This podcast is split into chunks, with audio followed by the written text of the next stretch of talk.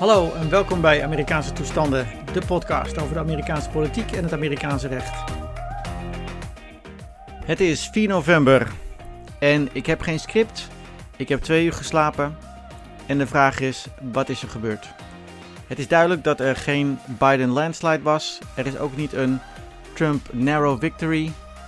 Ehm, we zitten te wachten op Wisconsin, Michigan, Pennsylvania, North Carolina en Georgia. Wie had gedacht dat er toch weer een soort van herhaling uit 2016 zou zijn?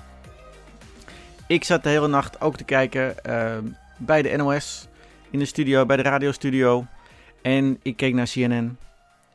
En de hele tijd uh, refreshen op mijn uh, computer. De, de site van 538, de, de Decision Desk, Fox News. En je zag door de avond heen, je zag door de nacht heen, dat um, eerst in North Carolina en Ohio Biden flink voorstond.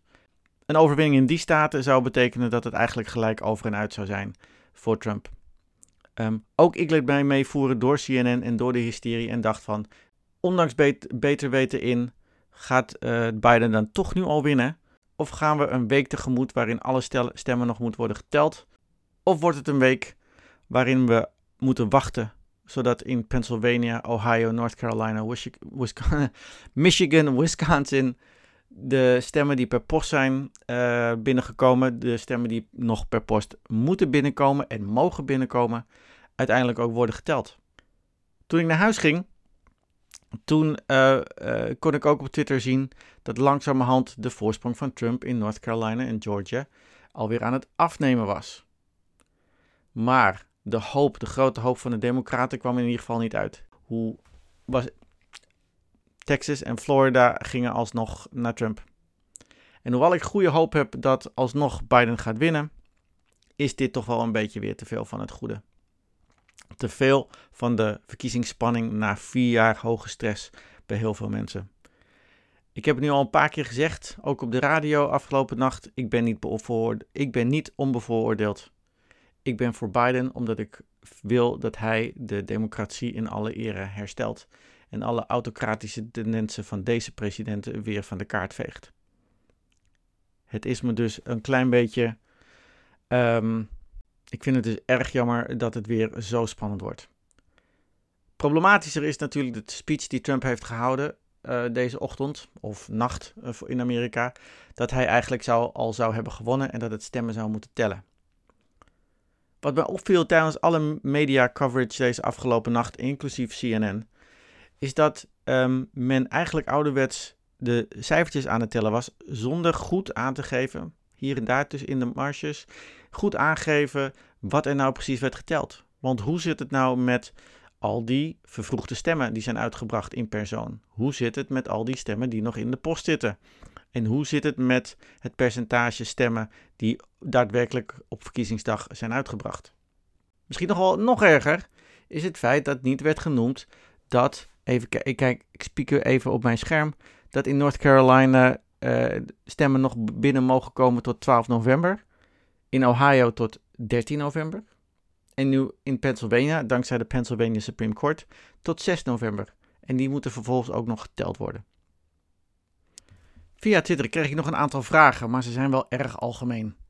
René vraagt hoe, je, hoe jij denkt hoopvol te blijven in bizarre en barre tijden. Ja, hoe blijf ik hoopvol? Um, ik heb een, uh, een, een rotsvast geloof in de, in de mens. Hoewel in Amerika dat altijd weer op de proef wordt gesteld. Ik zit nu in Nederland. Ik kan me misschien enigszins afzijdig uh, gaan houden over hoe het is om nu in Amerika te zijn. Maar verder heb ik daar eigenlijk nu nog met uh, al mijn slaaptekort nog geen goed antwoord op. Alwa vraagt, how, just how? Nou, dat wordt natuurlijk voer voor um, alle, verkiezingsexperts in de komende maanden, misschien komende jaren wel, hoe dit allemaal heeft kunnen komen. Ik denk, uh, er zijn een aantal demografische redenen. En dat is ook iets wat ik uh, afgelopen nacht veelvuldig heb gezegd. We kunnen alle minderheden in Amerika niet meer als groep, als blok behandelen. De, Lat de Latino's in Arizona, in Texas en in Florida zeker stemmen niet allemaal hetzelfde. Zelfs in de zwarte gemeenschap zullen niet alle zwarten hetzelfde meer stemmen. Er zitten veel verschillen onderling in termen van waar ze precies vandaan komen, wat hun welvaartsniveau is, enzovoort, enzovoort. Er is ook nog een vraag over gerrymandering, of dat hier nu een rol heeft gespeeld.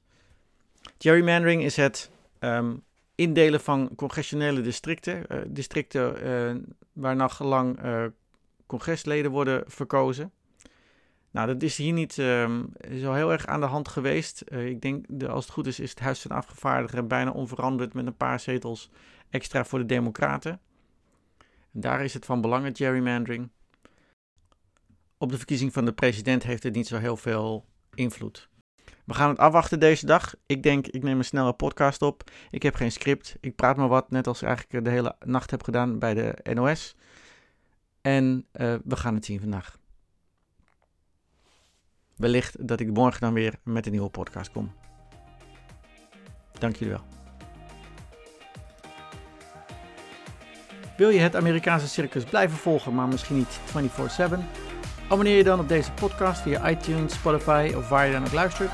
Of schrijf je in voor de nieuwsbrief via Amerikaanse-toestanden.nl. Mocht je naast het abonneren al deze content verder willen steunen en aanmoedigen, dan kan je zelfs een donatie doen, ook via Amerikaanse-toestanden.nl. Nogmaals dank voor het luisteren en tot de volgende aflevering van Amerikaanse Toestanden.